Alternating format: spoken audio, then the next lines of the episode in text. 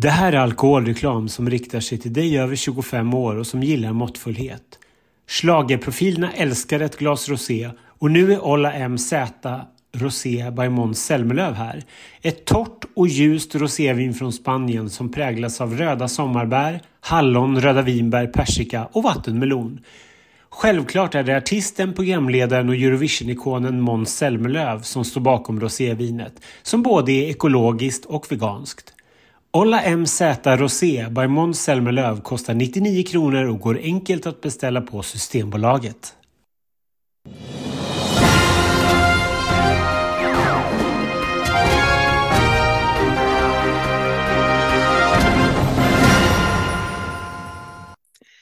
Hej allihopa och välkomna till ytterligare ett avsnitt av QX Schlagerprofilernas podcast. Podcasten som nu är inne på sin fjärde vecka när vi går igenom vad som har hänt i Melodifestivalen och vad som kommer att hända i Melodifestivalen och också titta lite på vad som har hänt i Europa och spanar mot Liverpool. Och vi som är vi, det är fortfarande jag som heter Ken Olausson och min kära kollega som heter Ronny Larsson. Ronny Larsson, har du hämtat dig från Lidköping? Ja, men det har jag. Det var en väldigt kul vecka tycker jag. Alltså musiken, not so much. Jag bryr mig inte så mycket om musiken längre känner jag. Ja, men, men i övrigt så hade jag jättekul. Jag säger till alla att så här, men det, den stora behållningen är ju att jag får hänga med dig och att jag får vara med Slagerfestens Anders eh, och Elaine har jag jättekul med. Och sen så är det ju alla andra som är i bubblan där man pratar och spekulerar och så. Men jag känner mer och mer att jag behandlar det här som en sport och att jag liksom, jag brinner liksom inte för någonting längre. Det är klart att jag är lite så pirrig och så inför varje tävling. Jag älskar omröstningsmomenten.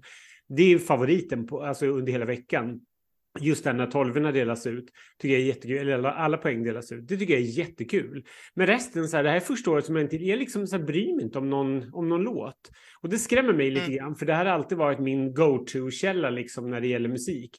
Men det finns ingenting av det som har åkt ut som jag liksom har plockat upp och direkt känner att jag vill lyssna på. Nej, mm. det skrämmer mig lite också. Måste ja. säga, inte bara att du inte lyssnar på något, men det, det verkar ju som att intresset är mycket lägre också. Den generella attityden om man tittar på sociala medier eller bara i sin egen lilla filterbubbla där man är och så vidare är ju att folk tycker att musiken är ännu sämre än vad du tycker att den är. Eh, och tittar man på det faktiska liksom, resultatet på Spotify och så vidare så eh, tittade vi ju lite idag och det visar ju sig att till exempel om man jämför vad Viktor Krone ligger nu efter några veckor så ligger han ungefär där Shirley Clamp låg som ju var absolut sämst av alla på Spotify förra året. Eh, hon, hon låg ungefär där. Och där ligger Viktor Krone nu, han är ju ändå en semifinalist. Eh, det säger ju lite att man kanske inte folk lyssnar så mycket på de där låtarna som, som de brukar. Nej, men precis så är det. Och jag tycker att det är jättetråkigt, för jag vill ju att min älskade melodifestival ska gå bra och framförallt att den ska generera musik till mig som inte liksom är så pepp på det som ligger på listorna eller som är så jag vet inte, alltså som är mellan det här äh, liksom gamla men även det, så här, äh, det som vi får i Mello som jag tycker Allting låter ju liksom kanske inte P3 Guld, men, men, men det ska du ju inte göra heller. Mello har ju varit lite grann ett eget reservat som, som blommar ut och färgar också av sig på kanske musiken på, på topplistorna. Och nu de senaste åren har det ju blivit hits liksom. Mm. Ehm, men jag vet inte. Jag är, det, min stora, och det här kan vi komma till längre fram kanske när vi ska prata om liksom hela det här melloåret eller de här sex veckorna. Det är nog att det som skrämmer mig mest, det är att det plockas med alldeles för mycket sånt som, som är riktat till radio. Och att det sitter väldigt mycket radiomänniskor i den här juryn som plockar ut låtarna. För den stora grejen var liksom att att folk har pratat om, ja men Viktor Krone, jättebra respons på radio eh, när de spelar upp de här in, inför, att, inför att Mello ska göra, för radio får ju höra låtarna i förväg. Mm. Och då kände jag så här, okej, okay, jaha, men betyder det att det är en hit? Nej, men det betyder inte alls att det är en hit, utan snarare tvärtom. Det är jättebra radiomusik, men det är ju ingen som vill höra på det uppenbarligen, mm. alltså utanför. Och det skrämmer mig lite grann, att man liksom plockar in sånt som vi lika gärna kunde varit utan, men det är bra att liksom ha i bakgrunden när man diskar eller kör, kör bil till jobbet. Mm, och då är man ju helt fel ute i den här tävlingen. Liksom. Ja, men lite så, för det är ju liksom så här, huvudgrejen, i alla fall för dig och mig, har väl alltid varit också att vi ska ta fram star en stark final där det finns mycket att välja på som man känner att man vill skicka till Eurovision. Och att mm. det är liksom själva grejen som ska försvara de svenska färgerna. Och framförallt inte att det ska vara så här skvaligt, men att det ska vara, det ska flytta fram de musikaliska positionerna. Lite grann som, de, som jag upplever att de gör i Finland. Att, det mm. liksom, att de är väldigt så här fingret ut och det finns lite konstigt och det finns sånt som låter väldigt så här hitlista och så finns det något som låter lite slagrigt och ja, men någonting för alla på något sätt. Nu väldigt mycket, så här, ingenting i Melodifestivalen 2023 är jättedåligt tycker jag. Men mm. ingenting är jättebra heller. Allting rör sig mellan så här, två, tre och möjligtvis fyra. Mm.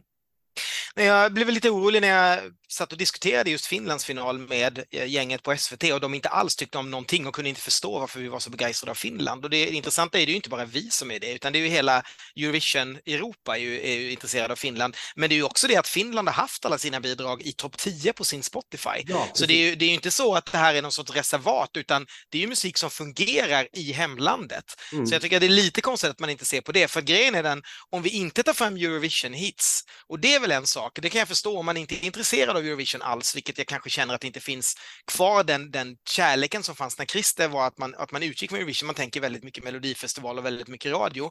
Mm. Eh, då, då har man ju väldigt svårt att få fram den typen av Eurovision, eh, saker som sticker ut, saker som kanske är lite konstiga, saker som är på svenska och så vidare den här grejen.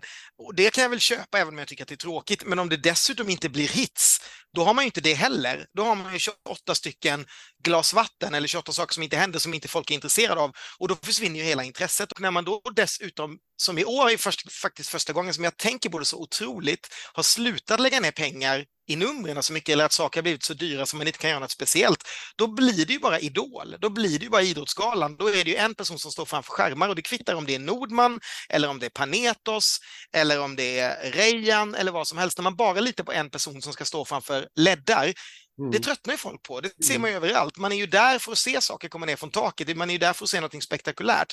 Och nu hade ju nu var man, är man ju inte ens veckans mest sedda program eh, den här veckan när, när På spåret hade bättre tittarsiffror än vad Melodifestivalen hade.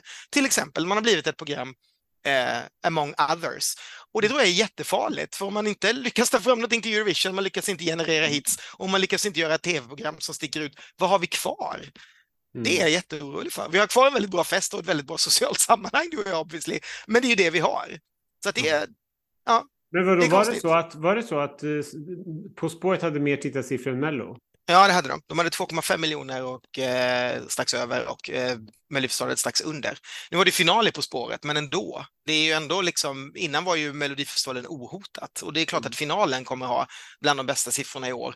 Men de vinner inte ens en vanlig vecka mot, mot, ett, mot ett vanligt program och det är, det är inget bra tecken. Alltså om någon det behövs tänkas lite. Jag tycker det muttras i alla led. Det, det är mm. våra följare, det är allmänhet, det är folk som är med i Melodifestivalklubben. Alltså det, är, du vet, det är folk som brukar älska det här oavkortat som, ja. som tycker att det är, är dåligt. Problemet är ehm. liksom att, så här, att det, inte, det går inte åt, åt någon riktning, så att det rör liksom inte upp någonting längre. Det är väl det. det det är det, liksom. det enda det rör upp om i programmet och det kommer jag hävda till, till fan kommer att avlösa mig att det är ett bra program se en, du vet så här, när folk bara håller fortfarande på här om att det är dåligt program. Å andra sidan kan jag, så här, kan jag tycka att det är härligare, hellre att folk har åsikter och tycker liksom å ena sidan att det är pissdåligt och att Jesper är fruktansvärd, eller att de tycker att det är bra. Nu känns det ju dock bara som att det är typ du och jag och de omkring oss i bubblan som tycker att det är bra. Och det där förstår jag inte. Jag tycker det är Nej, första gången på riktigt, alltså som, som, som Melodifestivalen har lite nerv, där jag känner att det bränner till, där det är lite kul, där det händer saker. Vissa saker flyger inte alls, absolut. Jag tycker inte allting är jätteroligt. Men en stor del är jävligt kul. Och, för, och, och att det inte blir de här jävla, för, förlåt om jag svär, men de här jävla alltså underhållningsnumren där, där det ska sjungas en kul text till någon så här revykuplett.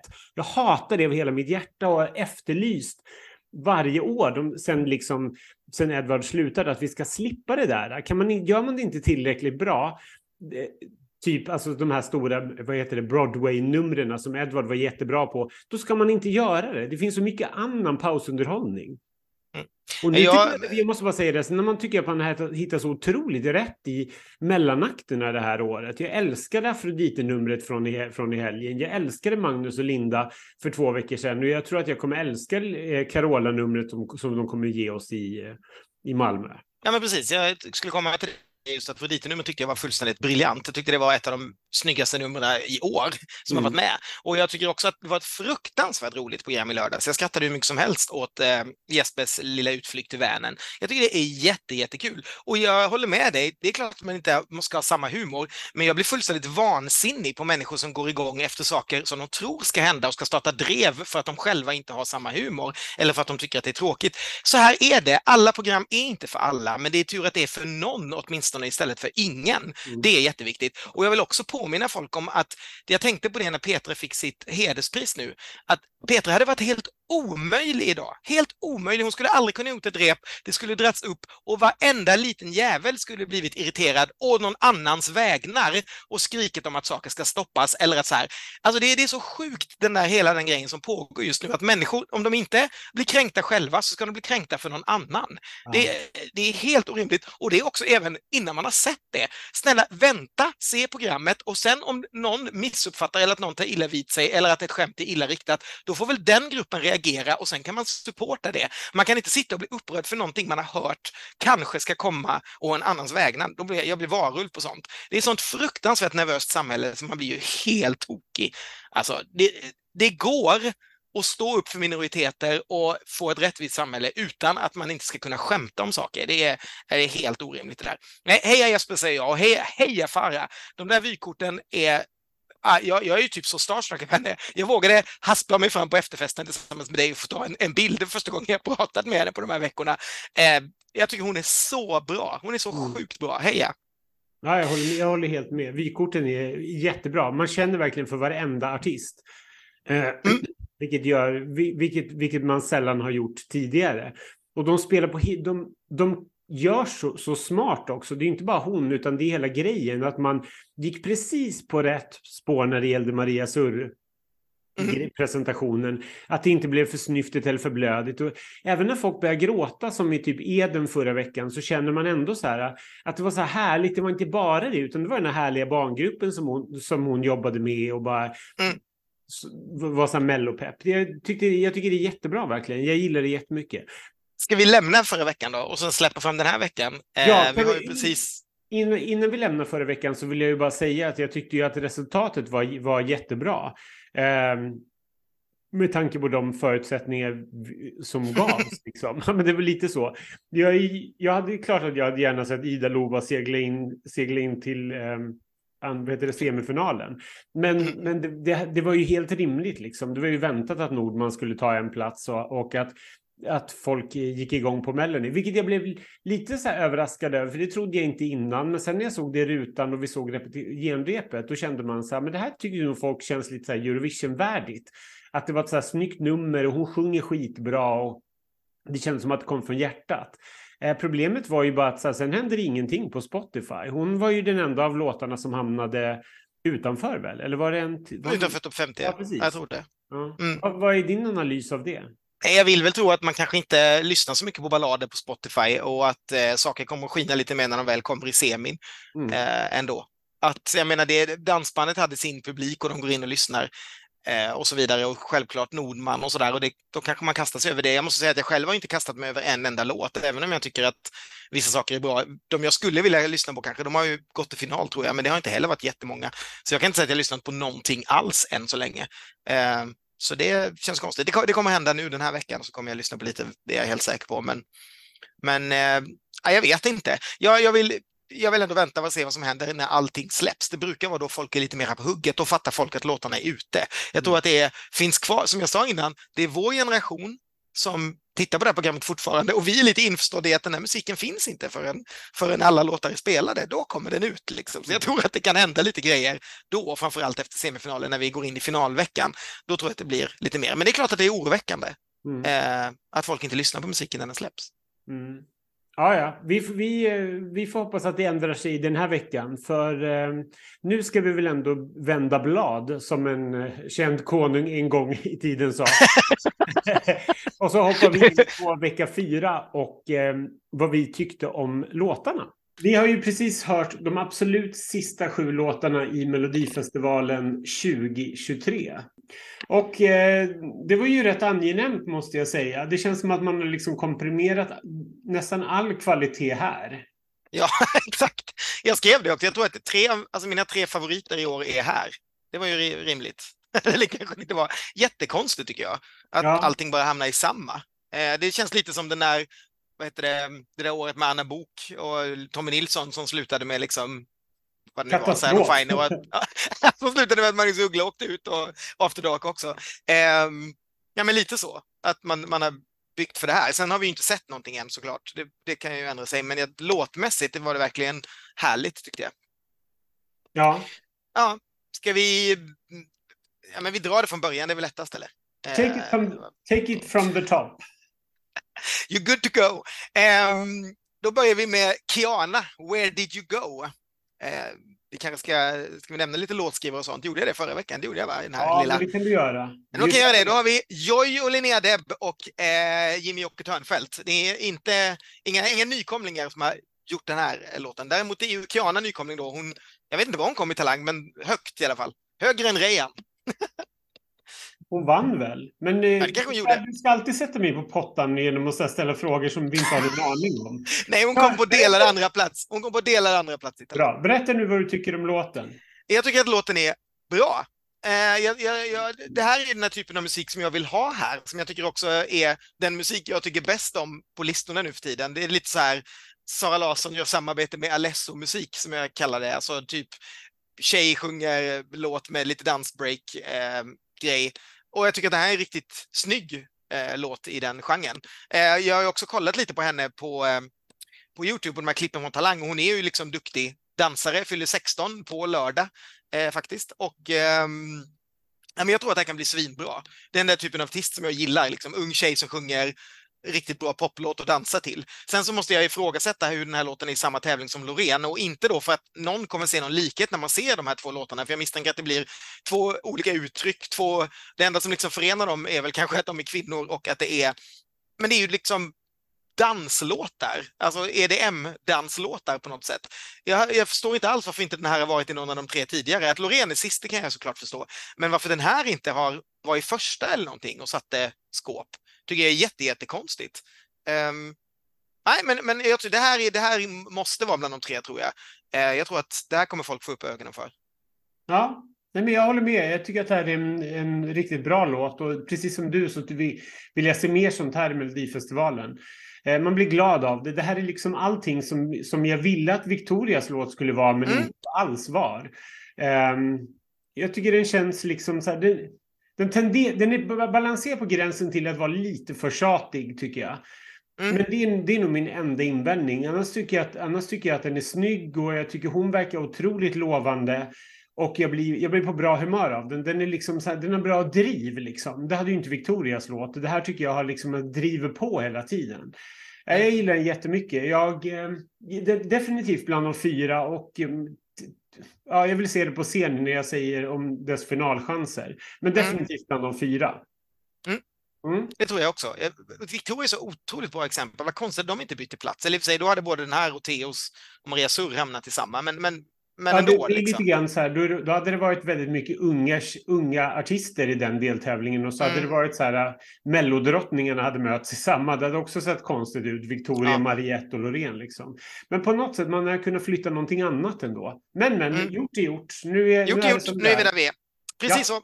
Och då hoppar vi eh, vidare i vår lilla startordning och hamnar på en låt som är skriven av Myra Granberg, Jimmy Jansson och Anders Wrethov och den heter Edelweiss och framförs av eh, Signe och Hjördis som ja. alltså är Gullan Bornemarks barnbarn. Så har vi sagt det också en gång för mycket. hade de tävlat på Island hade de hetat Signe und Hjördis.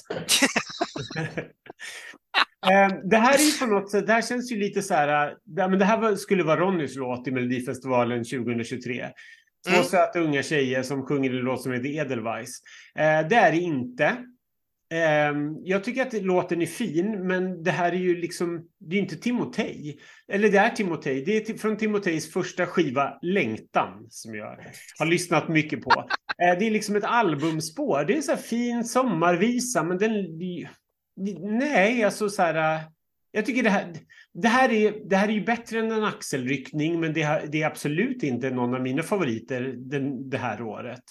Jag vet mm. liksom inte så här, det, den, den har sin plats här, men jag hade förväntat mig så mycket mer. Mm. Det, skulle, det ska liksom vara, jag vet inte. Jag saknar någonting. Jag, jag blir liksom inte så här, va? Det, ja, det är fint. Mm. Jag, jag, skrev någonting om att det här, det här känns ju, man, man saknar ju det här från Timotej när man ville ut på dansgolvet. Här vill man ju typ ja. typ dansa runt midsommarstången. Eh, det är ju mer en sån låt. Knappt det, man vill, man vill sitta på filten och så gunga i armkrok. det är lite så här, Timotej möter First Aid Kit på något sätt. Eh, lite, ja, jag vet inte, något, ja. något åt det hållet. Ja, jag tycker också så här, det är väl trevligt att den är med, men den har ju ingenting riktigt med tävlingen att göra, skulle jag säga. Eh, utan den är ganska, den är mest gullig liksom. Eh, ja, men det tycker jag också. Så. Jag tycker liksom att, ja. den har ju inte liksom Hasse Anderssons superfolkliga liksom, eh, folkmusikanslag. Eh, så, utan den är ju Ja, sen har man ju hellre med det här en Kalle Mureus om det nu ska vara liksom folkmusikvibbar, det måste jag ju säga, men, men jag tror inte att den kan slåss mot de här elefanterna som rör sig i den här deltävlingen. Nej, det, det, tror inte jag här. Den, den siktar mot himlen men når bara toppen av midsommarstången. Sen måste jag också ifrågasätta lite Amira Granbergs just Edelweiss, om man gör en så här jättesvensk låt och så väljer man en blomma som finns i Alperna. Som det enda man vet om vet var Hitlers favoritblomma. Liksom. Jag, jag vet inte varför just Edelweiss kom in från. Det är, det är ju lite samma sak med Håkan Hellström, just den här Edelweiss grejen. Vad är, det, vad är det vi vill med just Edelweiss? Är det bra att rimma på eller något? Eller att det, det låter häftigt? Liksom. Vi går bara sjunga prästkrage istället för ja, fan, säger jag. De, de, de, de, det låter inte lika melodiskt att sjunga blåklocka eller prästkrage. Edelweiss låter ljuvligare. Men, men, vi, jag håller med dig. Jag, det här känns så här, ah, femma säger jag. Mm. Just nu. Ja. Då ska vi till nästa låt som heter Six Feet Under och den är skriven av Chris Adam, Per Bergqvist, Jojje Linnea Deb, Benjamin Jennebo, Andreas Giri Lindberg och Jimmy Åke Törnfeldt. Jesus i min låda. Och den framförs alltså av Smash Into Pieces, som jag inte vet så jättemycket om som band. Eh, jag är verkligen inte ingen av oss är väl liksom inne på rockscenen. Jag kan inte, jag försökte inte ens dra någon referens här. Jag bara, ja, det är så här som rock, det är lite så här rock med elektroniska inslag och popinslag liksom. Jag jag, ty jag tyckte att det känns lite grann, det är samma skola, alltså nu är vi ju där, där vi jämför liksom med så mellolåtar och så Eurovision-låtar, men det är lite grann Blind, Blind Channel från 2021, är det inte det? Det, det som Finland tävlade mm. med. Alltså så här mm, melodisk mm, ja. hårdrock liksom. Ja, kände jag. Eh, jag gillar den här ganska mycket. Jag tycker att den är, jag tycker att den är, den är skön. Jag, det är, eller så här Dead by April fast utan growlen. Mm. Ja, kanske. Jag bara spottar ur mig med rockreferenser. Schlagerrockreferenser. Precis, schlagerrock. Men jag, nej, jag gillar den här. Jag tycker att den är bra. Jag tror absolut att den är bland de fyra. För de, det känns på riktigt liksom. Mm. Eh, det, finns, det finns en publik för det här. Och jag, jag, jag och min, så här, mitt, min, mitt melodihjärta går igång på det här. För jag tycker att det har en snygg refräng. Liksom. Och en mm. snygg... Eh, vad, vad, är, vad är det? Stick? Är det det som bygger upp till refrängen? Är det brygga? Brygga. Okej, okay. det är någon snygg brygga. Mm.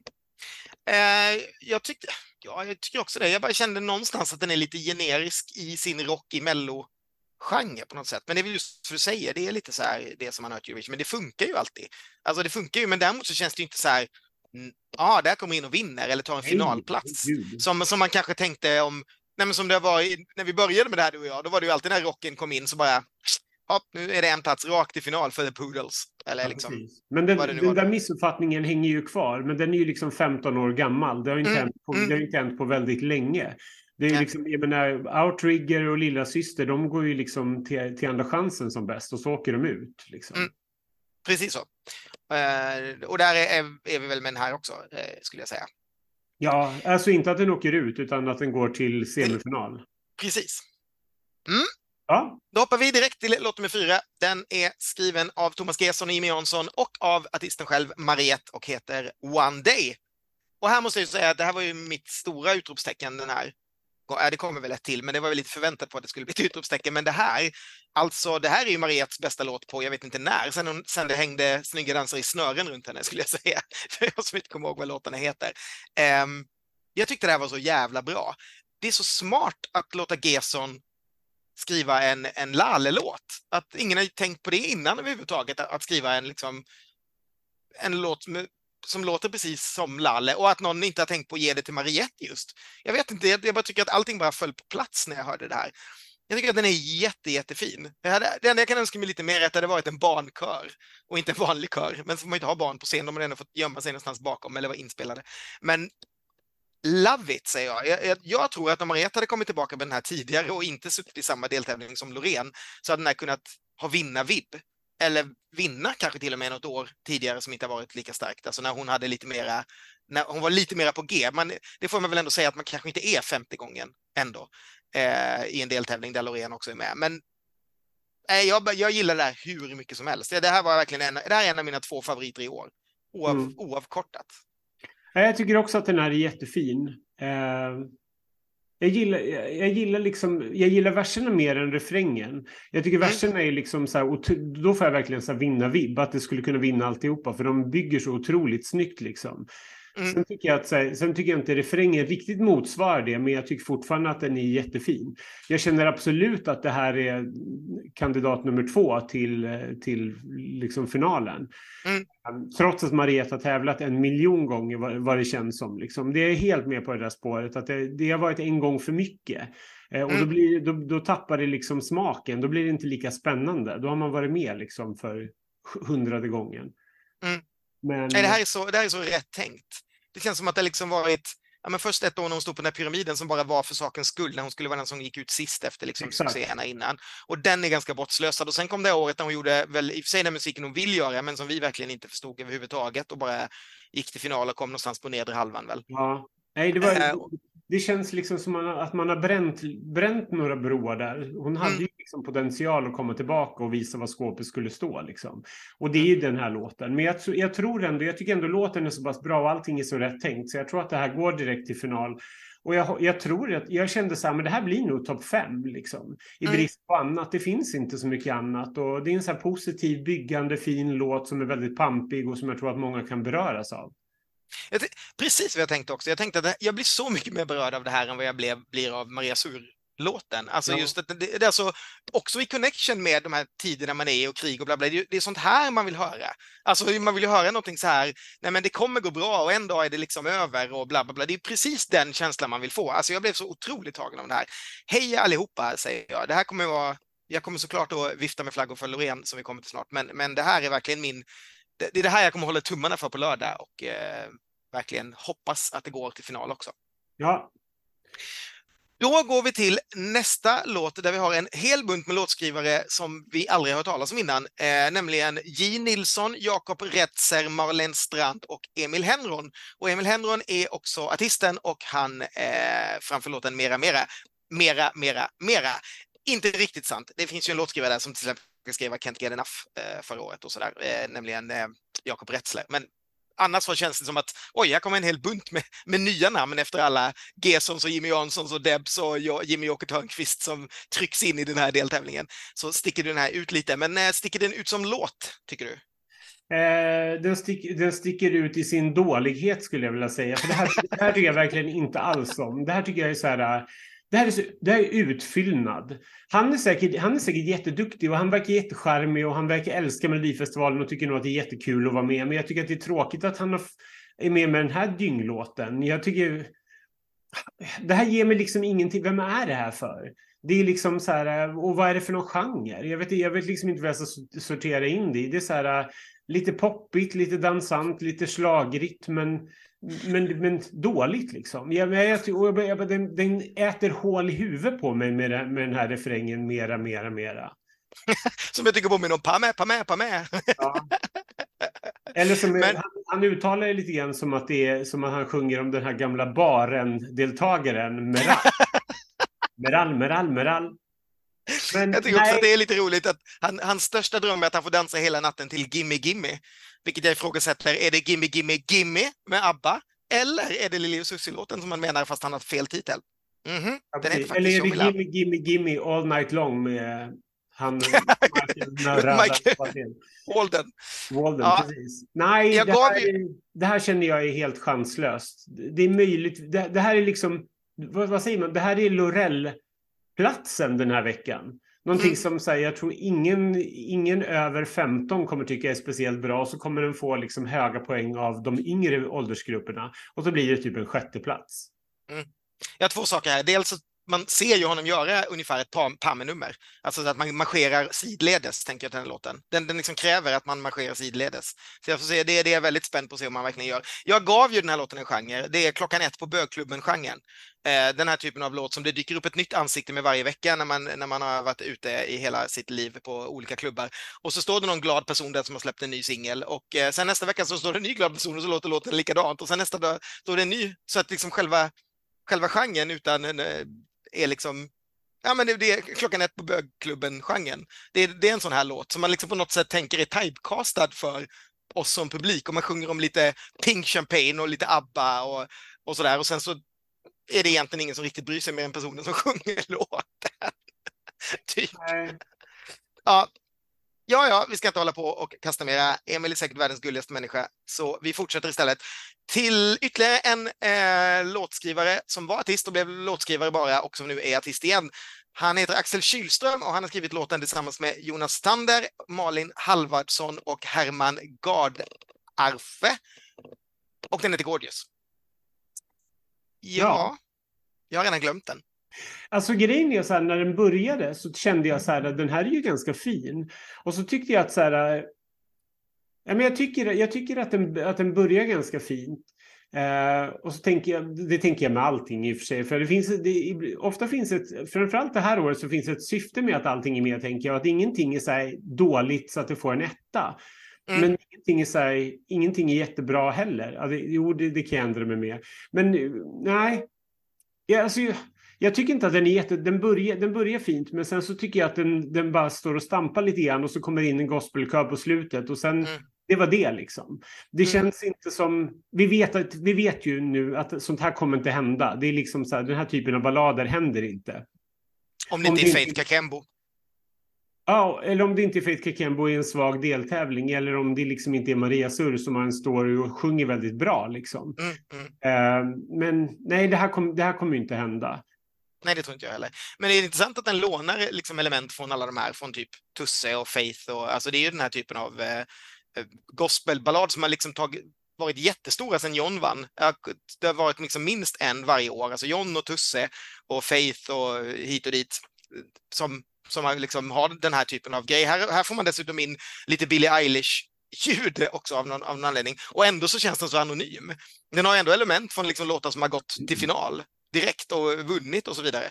Och sen ändå så, ja, jag vet inte, och jag tycker också eh, att den är så, jag tänker inte ens på vad han sjunger om, vilket är ju synd, för jag, han har ju någonting att berätta, men den, den bara, det bara liksom mm. far förbi eh, på något sätt. Nej, det kommer nog inte gå så bra för Axel, det tror inte jag heller.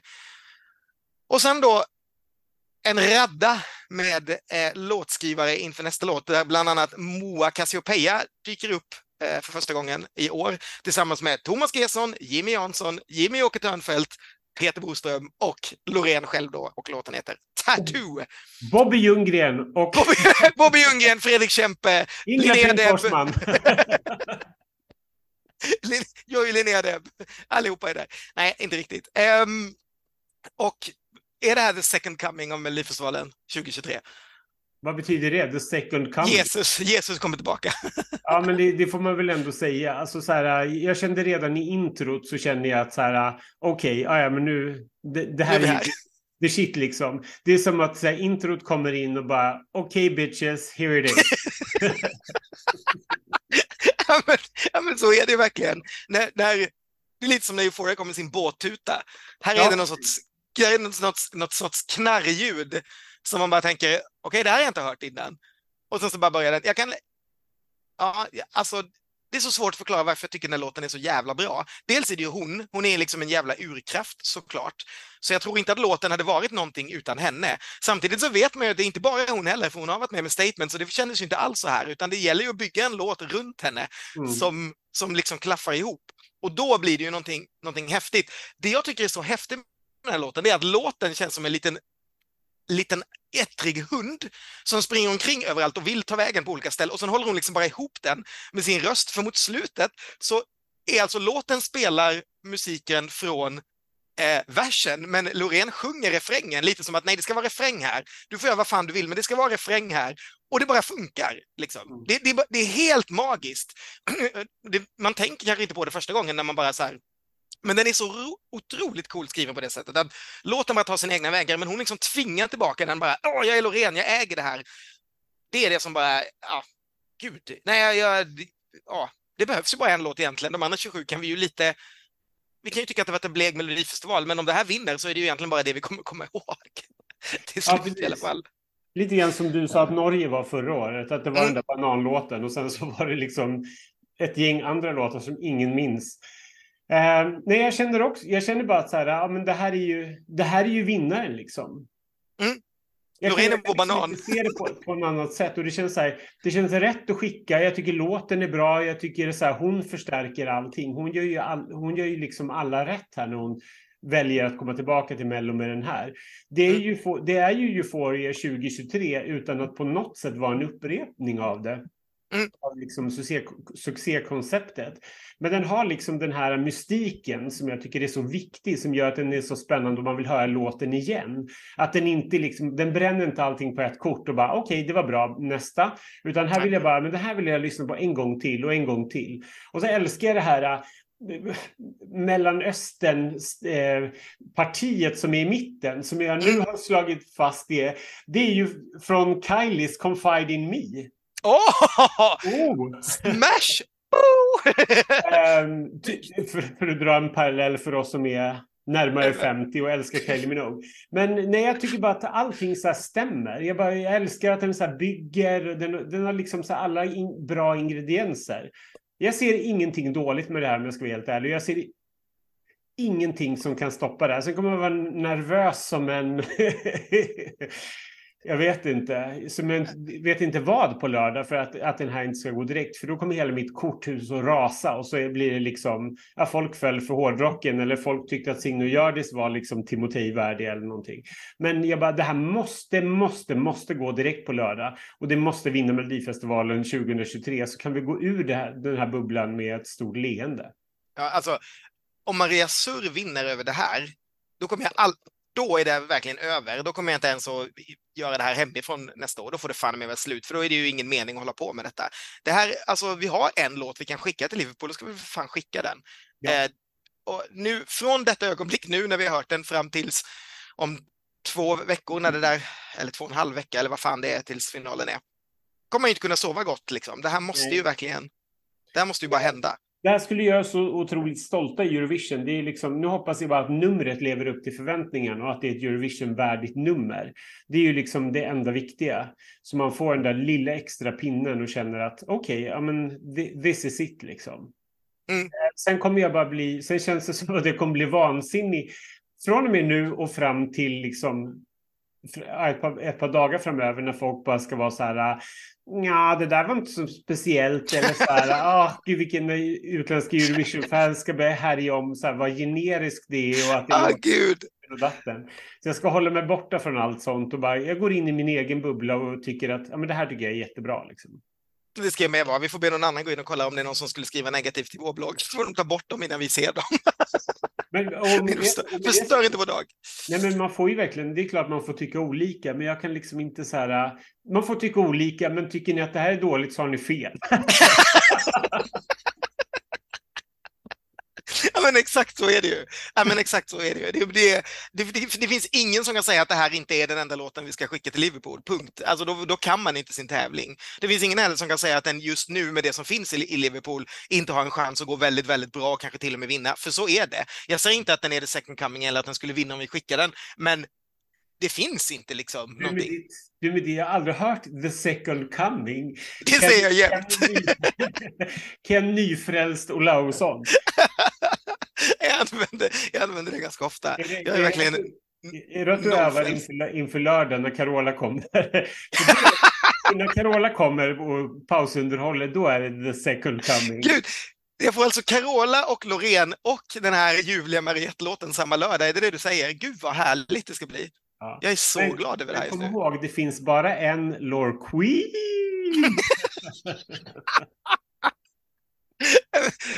Gör du sådana t-shirts? Japp. jag, jag, får änd, jag får ändra mina t-shirts som jag hade gjort till, efter första deltävlingen. Är ni helt tonedöva? Eller Elovo B nyfrälst?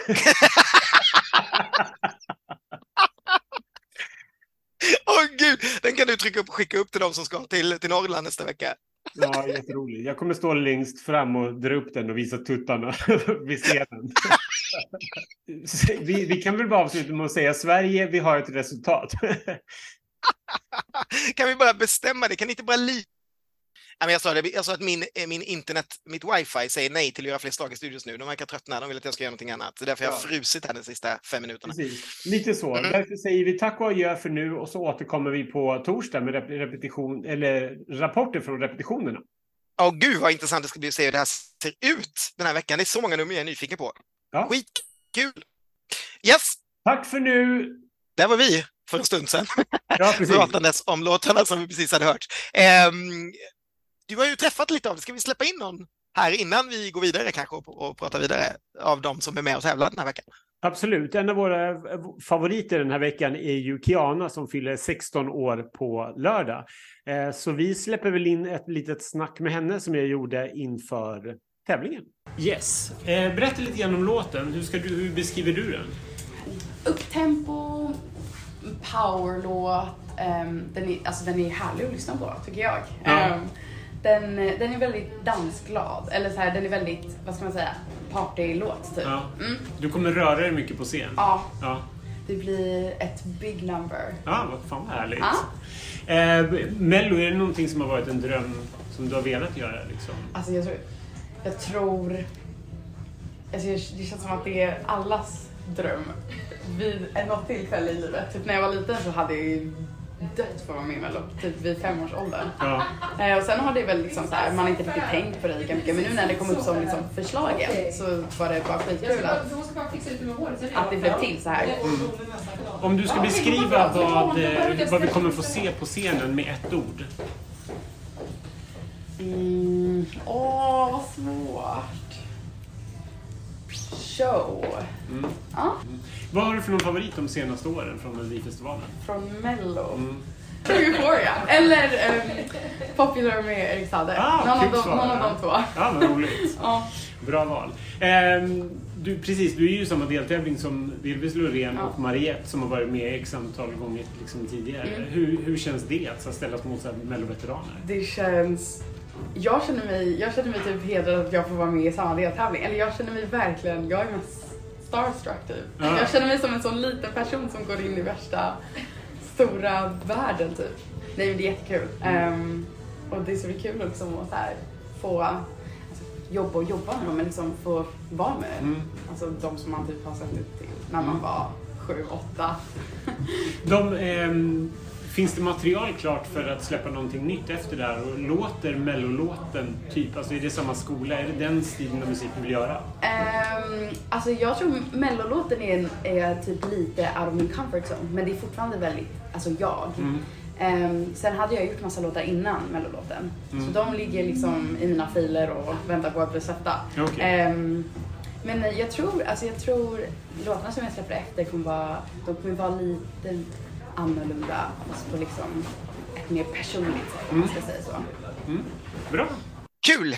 Kiana, en av dem som vi håller på, eh, en av flera brudar vi håller på eh, på lördag. Jag är så, det här är första veckan som jag känner mig riktigt, riktigt eh, spänd som sagt på, på, på att se hur det här kommer att gå och vad det är. det här är ju, det är viktigt för mig att vi äntligen får en Eurovision kandidat att skicka och att folk förstår och allting. Jag, nu, nu, tror jag att jag är liksom lite nervös på riktigt så att eh, jag ser jättemycket fram emot att få åka ner till Malmö med dig och hänga med dig och alla eh, människor utklädda till djur som än en gång tar in Malmö samtidigt som vi är där när det är sån här furry convention. Så mm. att eh, ska se om vi kan hänga lite med eh, Laurels björnar till exempel. Vi kommer gå på stan och bara, gud jag trodde inte så här många fanns.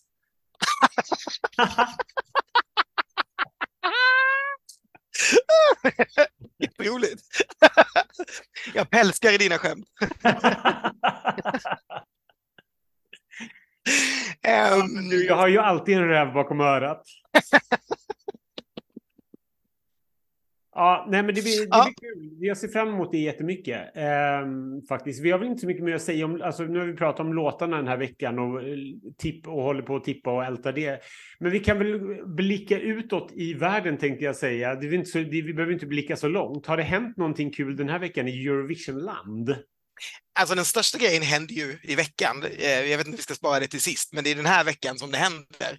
Utan det som hände förra veckan var väl dels att eh, Frankrike släppte sin låt och den har de ju valt internt. Så den eh, släppte de i ehm, söndags tror jag. Och den låten som det då blev, den hette, nu kan jag inte franska, men Evidemment tror jag den heter. Och den, ut, den framförs av en artist som heter Lazara.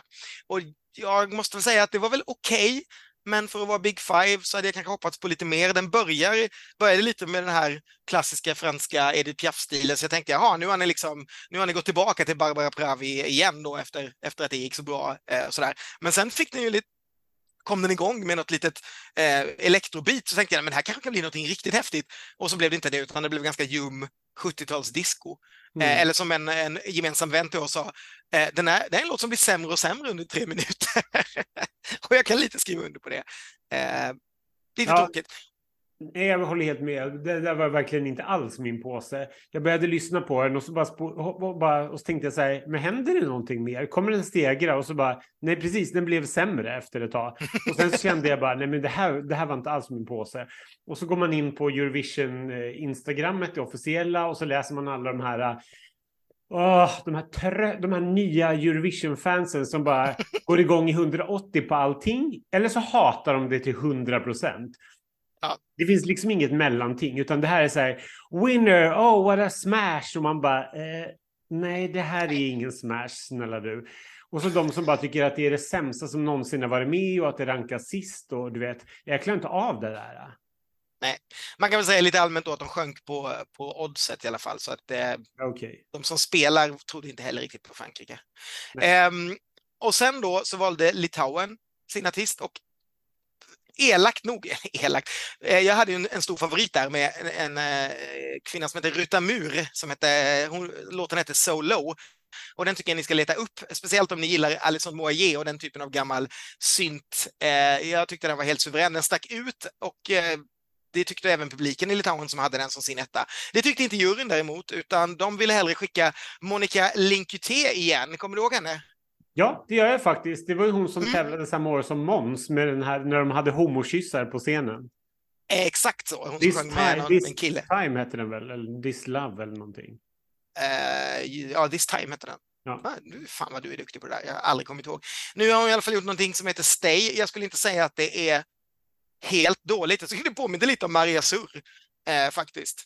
De är lyckligtvis inte i vår deltävling ifall nu hon skulle gå och vinna.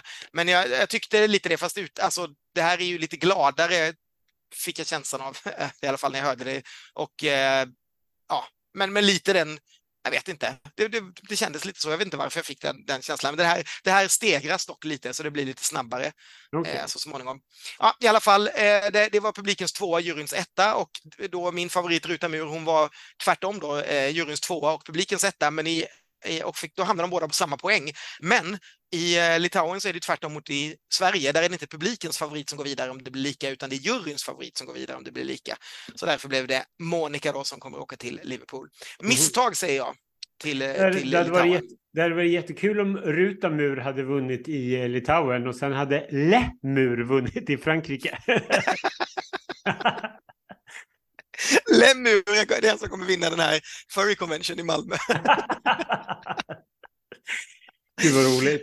Ah, ja, men, ähm, men, det var ja, det som det... hade tagits ut. Men vi tittar ju fram mot, mot lördag när vi knappt vet du och jag om vi ska sitta och titta på Loreen eller om vi ska sitta och bita av oss naglarna eh, när Finlands final avgörs exakt samtidigt.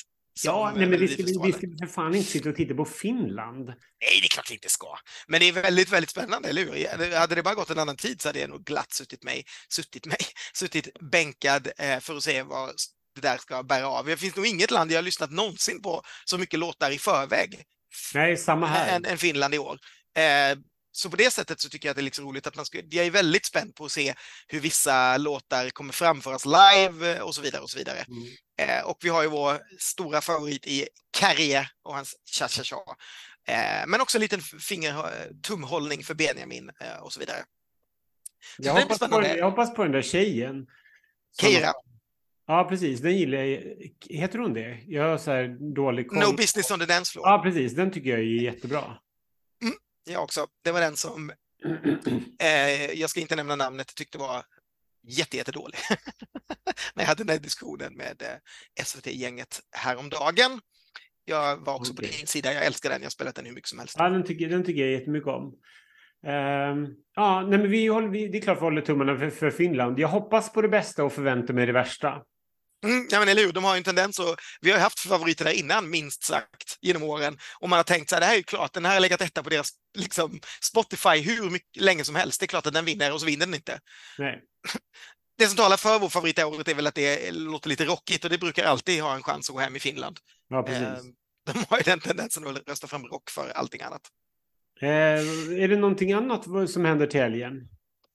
Eh, det är det ju säkert, eller på att säga. Satt kan... jag dig på pottan nu eller var det, du ville bara prata om, du ville bara prata nej, om Finland? Nej, det sätter mig inte så mycket på pottan. Eh, men det, det jag tror, eh, Polen är på söndag, har de sin final. Så att när, nästa gång när vi pratar så kommer vi både ha en finsk och en eh, polsk låt. Och San Marino eh, är redan igång i, i detta nu när vi pratar så tror jag att de är inne på sin jag tror de började tisdag, så att det här är nog deras andra kväll. De har alltså valt 106 låtar det har de plockat ut i sin tävling.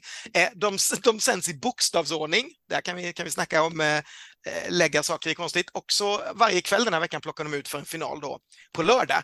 Eh, och det var fan hans moster som var med i den tävlingen kan säga. Det var folk från alla möjliga länder som har kommit i nationella uttagningar, kommit där och bara köpt in sig en plats i, i San Marino. Men de mest kända namnen var väl kanske Albaniens sångerska från förra året. Jag ska inte ens försöka, jag kommer inte ihåg vad hon hette, men du vet hon med Mm. Jättehåret och sexlåten. Eh, och eh, I'm Blue Dabba-Dee Dabba-Die-gruppen eh, Eiffel 69 heter de. Vad heter 65. de för siffra? 65. Eiffel 65 eh, var också där. Okay. Så vi får väl se. Så att San Marino, Polen och Finland eh, har vi och dessutom lite semifinaler för Portugal, Island och så Sverige då. Mm. Som, eh, sker helgen. Apropå Island så kan vi väl passa på att nämna att eh, svenska idol eller svensk-isländska idolkillen Bragir mm. eh, gick till final i, på Island med låten som jag tyckte var bäst av det de hade i Finland när jag lyssnade igenom dem lite snabbt i alla fall. Island. Island. Vad sa jag? Du sa Finland. Du sa Finland. Du är ja, så tänd på Finland nu. ja, jag tror att jag är, ja, kvar, är kvar i Finland. Men på, men på Island i alla fall. Det tycker jag var lite roligt. Sen, sen såg jag framträdandet igår. Eh, och det är väl inte så här jättestor... Eh, jag vet inte. Det är väl ingen jättestor risk att det kanske går superbra för, för Island om de skickar den låten. Jag tycker fortfarande att det är en rätt fin låt som påminner jätte, ganska mycket om den här duetten mellan eh, One Direction, Sign och eh, Sia för några år sedan. Mm -hmm. From Dusk to Dawn tror jag den heter. Ja, jag tycker refrängen påminner ganska mycket om den. Men skitsamma. Ehm, det, det, var en, det var bara kul att se framträdandet där de hade en så här rolig effekt. Där, ehm, där han, eh, vad säger man, lutade sig åt olika håll i refrängen. Ehm, så att, och så följde, följde den liksom, vad säger man, en kopia av honom med lite grann. Men det här var ju en, det här var en bildeffekt i rutan.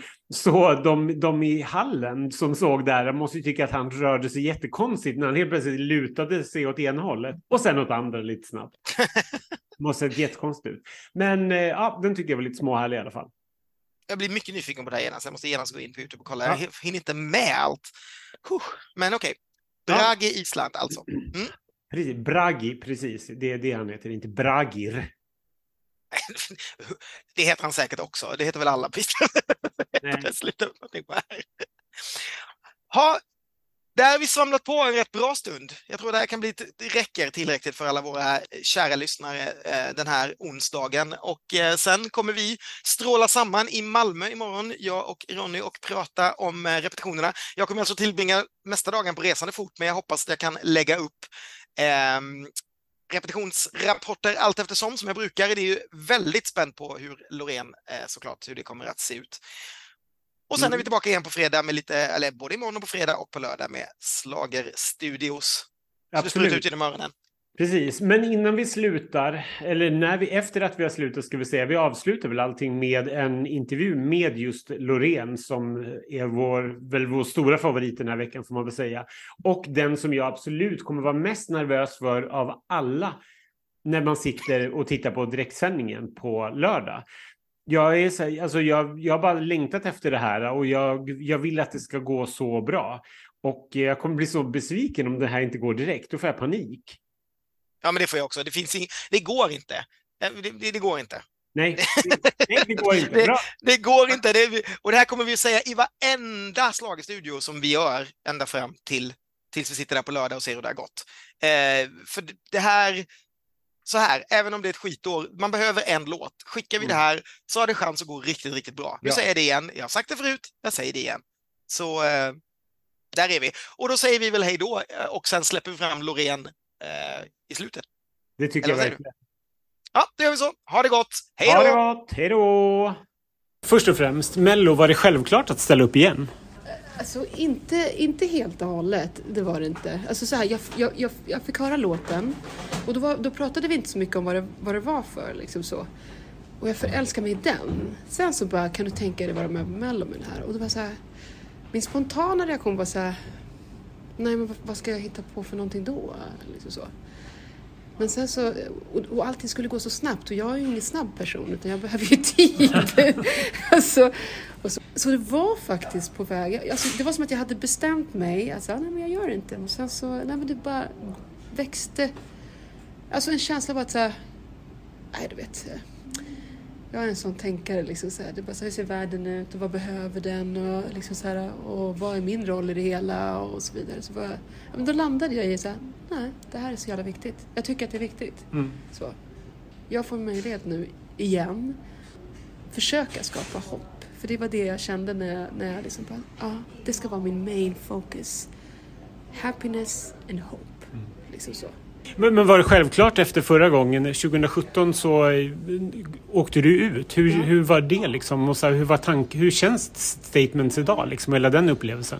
Ja, när, jag tittar på, när jag tittar på det i, i, idag så, så kan jag förstå vad det var som hände i mig. Det var liksom en, en motreaktion eh, på det politiska, liksom, det politiska klimatet som var just då. Liksom. SD liksom, som då plötsligt är liksom näst största partiet.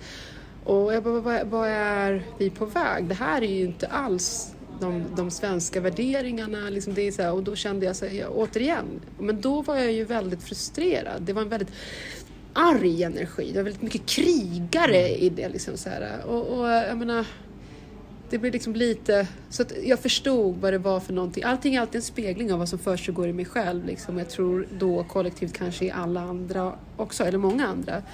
Så att... Och det är klart, egot kanske tog lite stryk. Jo, det gjorde det definitivt. Men jag menar, men, men eh, eh, det är ju mindre viktigt. Mitt ego liksom. Mm. Det får gärna ta lite stryk. Det är bra att det tar lite stryk ibland så, så att man liksom kan landa på jorden och bara åh, jag är mänsklig. Oh, ja, just det! Så liksom. Mm. Så. Vad, är, vad är Tattoo för någon typ av låt? Tattoo har... Dels så är den... Den har väldigt, obviously, med mig väldigt mycket energi en brutal dynamik. Så får ni tolka det ni vill. Men jag tror att den ger en känsla, jag tror faktiskt att den ger en känsla av eh, frihet. Du vet, vissa låtar kan göra det. I alla fall så ger det det. här är bara min egna uppfattning såklart. Liksom. Men att man känner sig mäktig. Nu jobbar du med Thomas Gesson, Peter Boström, Jimmy Jansson och Cassiopeia. Ja. Hur kommer det sig? Om vi ser just i Cassiopeia, för det känns en liten oväntad kombination. Ja, ja. ja. men de hade ju skapat ett, ett, liksom, vad ska jag säga, ett embryo, kallar det för. Jo, men jag kallar det för ett embryo och en dynamik. Och jag fick höra, det fattade jag när jag fick låten. Liksom. Sen så, precis egentligen som i Euphoria, så ja, det, den låter ju som den gör, men det fanns någonting där som... Jag, jag kände att de hade tänkt på mig när de skrev den här, därför att det finns, det finns vissa Loreen-grejer som, du vet, så. Och så pratade jag med Thomas om det. Han bara, men vi gjorde faktiskt det. Så, uh, så att, uh, och då tänkte, jag, alltså, då tänkte jag inte på att det, men, det, är ju en grym kombo. Liksom. Mm. Thomas Gesson är ju en av de, tycker jag, de fetaste låtskrivarna vi har. Liksom. Där han, jag tror att det är för att han är, han är punkrockare tänkte jag säga i grunden. Vet, Han tänker mycket på vad melodin är. Liksom. Han är ganska ointresserad av produktionen först. Utan det ska vara en, och han gillar big voices. Det är inte alla som kan skriva låtar för big voices. Liksom. Eh, Big voices like Mariah och Whitney och så med den typen av dynamik. Det är svårt. Alltså. Du måste veta vad du, vad du håller på med. Liksom. Om man tittar på mycket musik idag så är det inte så många sådana, jag ska inte säga artister, men låtar som kommer ut. Liksom. Som I will always love you liksom, och den typen av bara, full, full patte. Alltså. Men han kan det. Finns det mer material klart och är det i samma skola som eh, Tattoo? Eller liksom, hur, vad ligger du musikaliskt idag? Musikaliskt idag så för att, för att allting ska ha någon så här underliggande purpose hela tiden så är det, det kommer vara mycket mer dans. Jag vill ha energi. Jag tror också för att jag saknar det själv. Liksom. Euphoria var dans. Även My Heart is a Fuse Me var på många sätt dans. Liksom så. Så att jag, jag kommer liksom rikta in mig lite mer åt det klubbiga. Så ja, Tattoo är en start liksom. Jag tror att de andra två singlarna, tror, jag pratar som att jag inte vet själv, kommer vara en aningen klubbigare liksom, och dansigare. Liksom, så här. Fortsätter du jobba med Gesson där också? Ja. För jag tycker att han är grym. Jag tycker att han är grym alltså. Så Det, han har, det är någonting med hans melodi. Det är också det att han är väldigt melankolisk i sina melodier. Så här. Och det är återigen det där liksom att jag är ju en full, fullmånebrud. Liksom. Jag är en nighttime lady. Liksom. Så jag gillar det suggestiva och det melankoliska. Liksom. Och du vet, jag, jag rör mig i det här lila landskapet. Liksom. Du ser mig inte ute en solig dag. Jag är som en vampyr. Om du ska beskriva vad vi kommer få se på scenen i fjärde deltävlingen med ett ord. Ja, men med ett, ge mig två. Okej, ja, Du får okej. två. Du har ju trots allt varit i Eurovision. Ja, hallå. Liksom, så här, då tror jag att det ska vara kraft, hopp, ljus. Mm. Light kan jag säga. I can give you that.